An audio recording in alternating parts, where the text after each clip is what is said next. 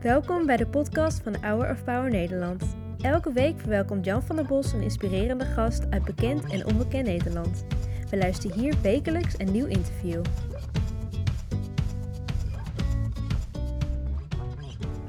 Het is vandaag Moederdag en Eline Hogeboom eh, is mijn gast. Eline, wat betekent Moederdag voor jou?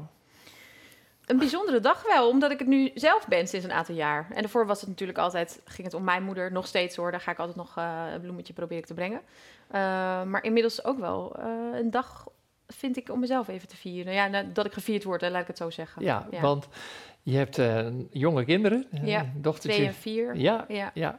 Wat is het om moe, echte moeder te zijn?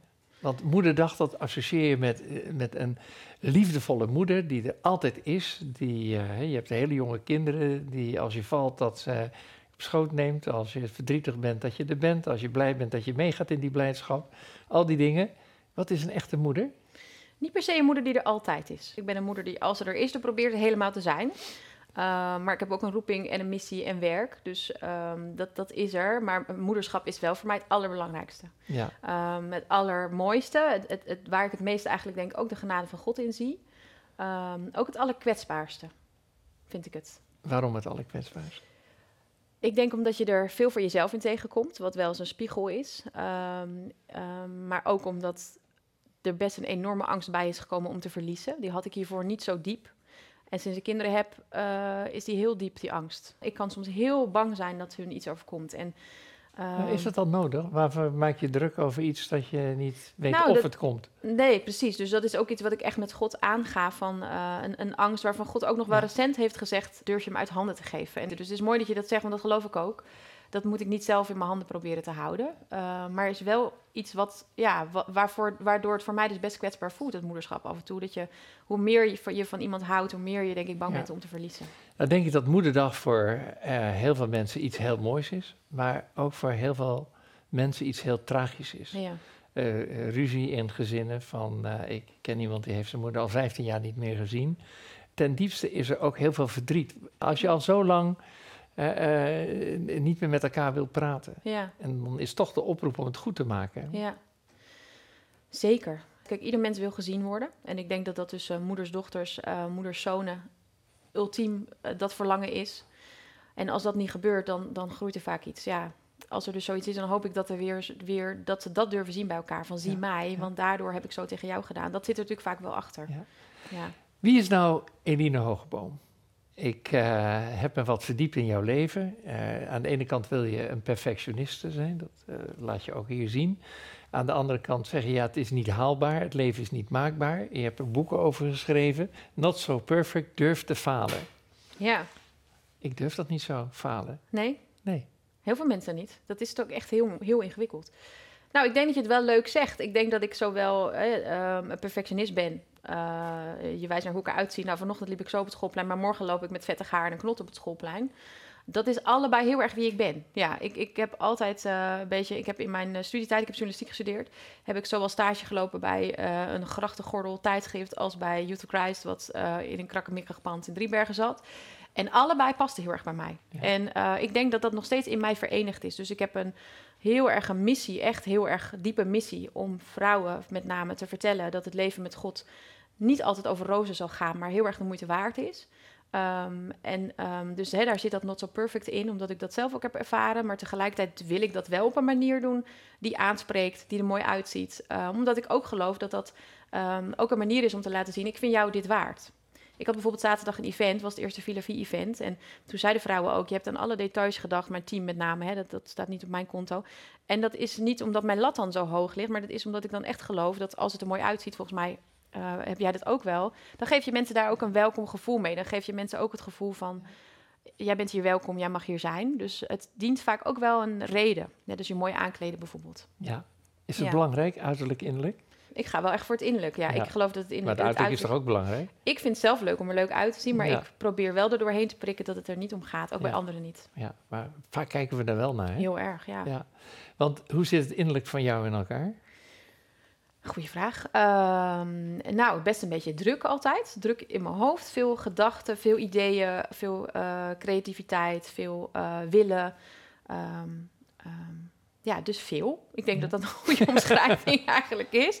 Ehm, eh, en altijd heel erg ja, vallend en struikelend, zeg ik altijd maar, achter, achter mijn vader aan. Dat is wel wat ik probeer te doen. Ik geloof zo dat ik, uh, dat ik gemaakt ben ehm, door God. En dat, dat Hij in mij een roeping heeft gelegd. Ten eerste om, uh, om gewoon een dochter, een vriendin, een, een vrouw te zijn.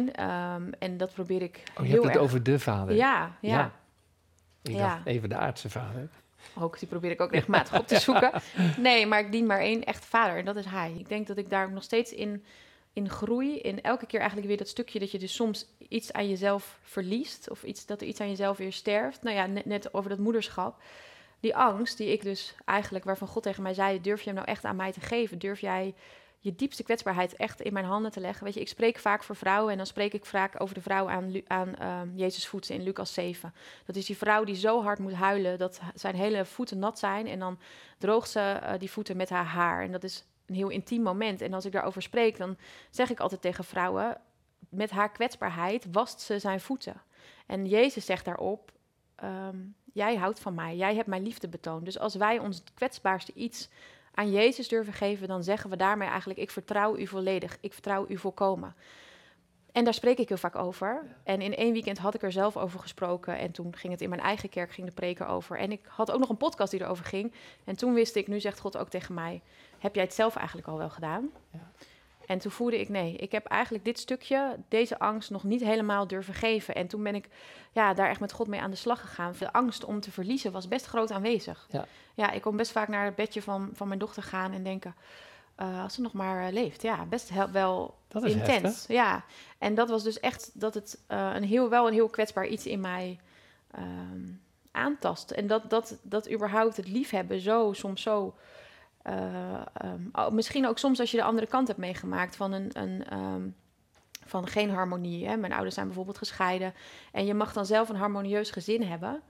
Die genade is voor mij zo groot dat ik dat mag meemaken. En, en dat meen ik echt. Dat is bijna dagelijks dat ik dat, dat me realiseer van dat ik zo geniet van mijn relatie met Johannes, met mijn man, maar ook van de kinderen. Dan, dan is daardoor misschien ook de angst dus groot om het dan weer kwijt te raken. Ja. Ja. Ons credo bij Our Power is: je bent niet wat je hebt, je bent niet wat je doet, je bent niet wat anderen van je zeggen. Je bent niet wat anderen van je zeggen. Je bent Gods verliefde kind. Ja. Zeg je daar amen op? Ja, van harte. Maar wel elke dag opnieuw. Snap je? Ik heb echt een moment gehad toen ik 21 was dat ik diep heb gevoeld van binnen. Dit is mijn identiteit. Ik ben geliefd door God. En toen dacht ik, nou, nu, nu de wereld ligt aan mijn voeten. Ja. En het was ook, er veranderde ook heel erg veel. Ik, ik zocht veel minder naar de bevestiging van, van allerlei mensen. Maar ik merk toch wel, ik ben inmiddels 38, dat het dat eenmalige moment, daar blijft het niet bij. Het blijft wel elke keer weer God zoeken en zijn liefde zoeken. Ehm, weet je, ik heb met Villa Vie, hè, met, met, met mijn organisatie waar ik voor sta, daar, daar werk ik heel erg met een levenshuis. Dus eh, met kamers daarin en die staan voor, je, voor alle gebieden op je leven. Leg dat eens uit, Villa Vie. Ja, nou, Villa Vie, dat staat dus voor La Vie zit daarin, maar ook Het Villa, leven, dus ja. levenshuis. Ehm, dus ik werk met een levenshuis. Dan heb je de gebieden van werk, relaties, gezondheid, vrije tijd en delen. Eigenlijk alle gebieden van je leven. En dat zijn symbolische kamers waar je Ja, en ik bied dus cursussen aan. En dan kun je met die cursussen leer je daar in balans aanbrengen, dat soort Ja. dingen. Maar uiteindelijk, wat ik doe, gaat over het fundament. Ja. Eh, staat je huis op een rots of staat het op zand? En dat fundament, daar eh, wordt nog wel eens aan geschud bij iedereen. En daar moet je aan werken om ervoor te zorgen dat dat stevig staat. En dat je dus weet, van daaruit doe ik alles. Dus ik kan heel succesvol zijn in werk of ik kan eh, heel veel mooie relaties hebben. Maar betekent natuurlijk niks als mijn fundament niet stevig is. En daar wijs ik elke keer weer vrouwen op. Maar ja, moet ik zelf ook elke keer weer heen terug. Ja, omdat deze maatschappij ook je eigenlijk heel tijd vertelt... bouw maar op zand, bouw maar op succes, bouw maar op relaties, bouw maar op geld. Ja. Ja. En daar zit je zo middenin ehm, dat het best wel wat vergt om elke keer dus ja, jezelf soms een beetje terug te trekken in die binnenkamers van dat huis eigenlijk. En terug te gaan naar God. Ja. Je werkt veel met vrouwen. Wat, wat kom jij tegen als, eh, het is moederdag, als eh, de, de, de mooiste uitdagingen, maar ook de moeilijkste voor vrouwen van deze tijd? Nou, dan zou ik denk ik twee dingen zeggen. Ik kom veel vrouwen inderdaad tegen. Ik organiseer dus ook levenshuisdagen. Ehm, daar had ik ook een tijdje terug een vrouw wie haar kinderwens niet was vervuld. Voor voor hun is deze dag natuurlijk ook extra pijnlijk. Ik kom veel teleurstelling tegen. Teleurstellingen in dingen die gehoopt waren. Nou, of het nou een moederschapswens is of iets anders. Maar veel teleurstelling over dingen die anders zijn gelopen.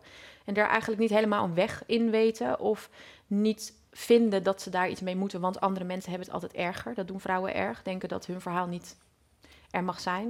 Ik denk dat dat één is. En twee is denk ik heel erg een gevoel van geleefd worden. Dus druk zijn, heel veel ballen hoog, ge- geen rust hebben om s ochtends eerst aan Jezus voeten te zitten, maar meteen in de rush moeten. Eh, de schoolrun noemen we dat dan tegenwoordig heel hip op instaan, want de kinderen moeten weggebracht en dan gaan we aan het werk. En ik merk dat die rush en dat geleefd worden, dat is een enorme uitdaging. Ook voor Eh, jou? Ja, zeker. Eh, met twee jonge kinderen. Die Ik zeggen, mama, altijd- mama. En Ja. dan zeg je, ja, ik zit aan de voeten van Jezus. Ja, eigenlijk wel. Ja? Ja, s ochtends zes uur. Ja, ja. Oh. En dat is soms uitdagend, want ze zijn wel eens eerder wakker dan zes uur. Dus dan, Ja. dan moet ik zeggen, heer, sorry, maar eh, dit is mijn... Nou, dan zeg ik eigenlijk geen sorry, want ik weet dat ik voor hun mag zorgen en dat hij daarin is. Ja. Ehm, en inmiddels doe ik dat dan ook wel eens gewoon als mijn werkdag is begonnen. Maar ik probeer echt aan zijn voeten te beginnen. Al is het maar twee minuten. Dat schrijf ik ook in mijn boek. Het hoeft niet meteen een uur, hè. Nee. Twee wat, minuutjes. wat zeg je dan?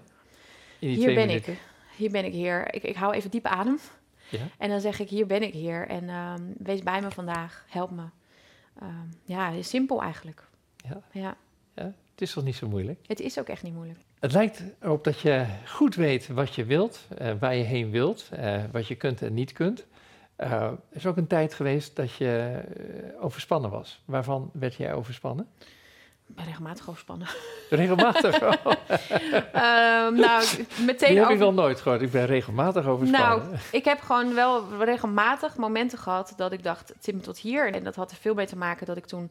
eh, ik, heb dat, nou, ik heb wel eens gezegd, ik had Huis en Bellen niet op kunnen zetten als ik niet single was geweest in die tijd. dat Want was ik een, kon, eh, eh, iets voor tieners, hè? ja, Jonge ja, meiden. klopt. En Ja. het staat ook gelukkig nog Ja. steeds. En ja, ik kon toen weken maken van heel erg veel, maar ik ging wel regelmatig daar mijn Ja. grens over. Dus in die tijd heb ik wel eh, inderdaad echt wel eh, tegen mijn grens aangezeten. En ehm, nou, nu ben ik niet eh, jaarlijks overspannen, maar het is voor mij altijd wel heel erg een uitdaging om niet continu zelf hard te willen werken. maar om ook te weten dus dat het fundament van mijn levenshuis er al is. Psalm 16 is echt mijn luiftekst. Als de Heer het huis niet bouwt, te vergeefs zoeken de bouwers. Ehm, ik moet die eigenlijk dagelijks tegen mezelf zeggen. Want Ja. dat is voor mij gewoon een enorme uitdaging. Ik Heb wil je veel hard. bevestiging nodig? Nee, dat valt heel erg mee. Ik vroeg dat Oh. laatst aan Johannes, aan mijn man, van... ehm, hoe, merk jij ook, hè, dat, dat stukje geliefd zijn, daar, Ja. daar, elke keer kom je weer wat, wat meer daarin. Hè? Dat zei ik net ook, Ja. van elke keer heb ik nog meer het gevoel van... ik mag God echt mijn vader noemen. En, en toen zei hij dat ook. Ik kan dat merken. Jij, jij hebt die bevestiging niet meer zo van mij nodig. Dat vond ik heel fijn om te horen. Maar hard werken is natuurlijk wel iets waar, ja, waar je wel bevestiging uit kunt halen... en op een gegeven moment wel kunt denken van, oh, alles lukt. En ja. en daar moet ik heel erg voor oppassen. Ja. Ik denk dat dat voor heel veel leiders of mensen die gewoon houden van werken een, echt een valkuil is. Ja, Vertel me wat. ja, Ja. ja. Je hebt boeken geschreven, Not So Perfect, daar hebben we het al even over gehad. Tijd met God, dat is eh, over Villa Vie, wat je voor vrouw wil doen. Maar dit, dit vind ik ook wel een heel mooi boek. Twaalf lessen om het leven voluit te leven. ja. Kun je die heel in het kort noemen, die twaalf lessen op deze moederdag? Een aantal. Eh, rust is een belangrijke. Regelmatig durven stilstaan. En dus niet maar geleefd blijven worden, maar echt af en toe even achterover leunen en ademhalen. Dankbaarheid. Ik, ik denk dat dat de belangrijkste les is. Dat blijkt ook uit allerlei onderzoek. Uh, maar als je dankbaar bent voor wat je hebt, ook als je dingen niet hebt, dan ga je steeds meer Gods genade zien van wat Hij geeft. En dan ga je uiteindelijk ook Hem steeds meer eren. Dus dankbaarheid vind ik een mooie, belangrijke. Uh, veerkracht, de eigenschappen van veerkrachtige mensen. Dus hoe sta je weer op na iets wat je hebt meegemaakt? Dat vind ik echt een belangrijke les. In Gods aanwezigheid leven, hoe doe je dat nou? Wij denken dus heel vaak dat het inderdaad van ons afhangt, dat wij uh, een uur s ochtends stil moeten zitten, maar Hij wil al lang bij ons zijn. Um, daar gaat het over. Je roeping vinden, je bestemming vinden. Um, dat je dat niet heel erg groot of heel dramatisch moet maken, maar dat je gewoon mag doen wat je, ja, wat je hand vindt om te doen eigenlijk ja, dat zijn allerlei soorten lessen die erin staan en die uiteindelijk helpen om in dat levenshuis dus voluit te leven. Mooi. Ja.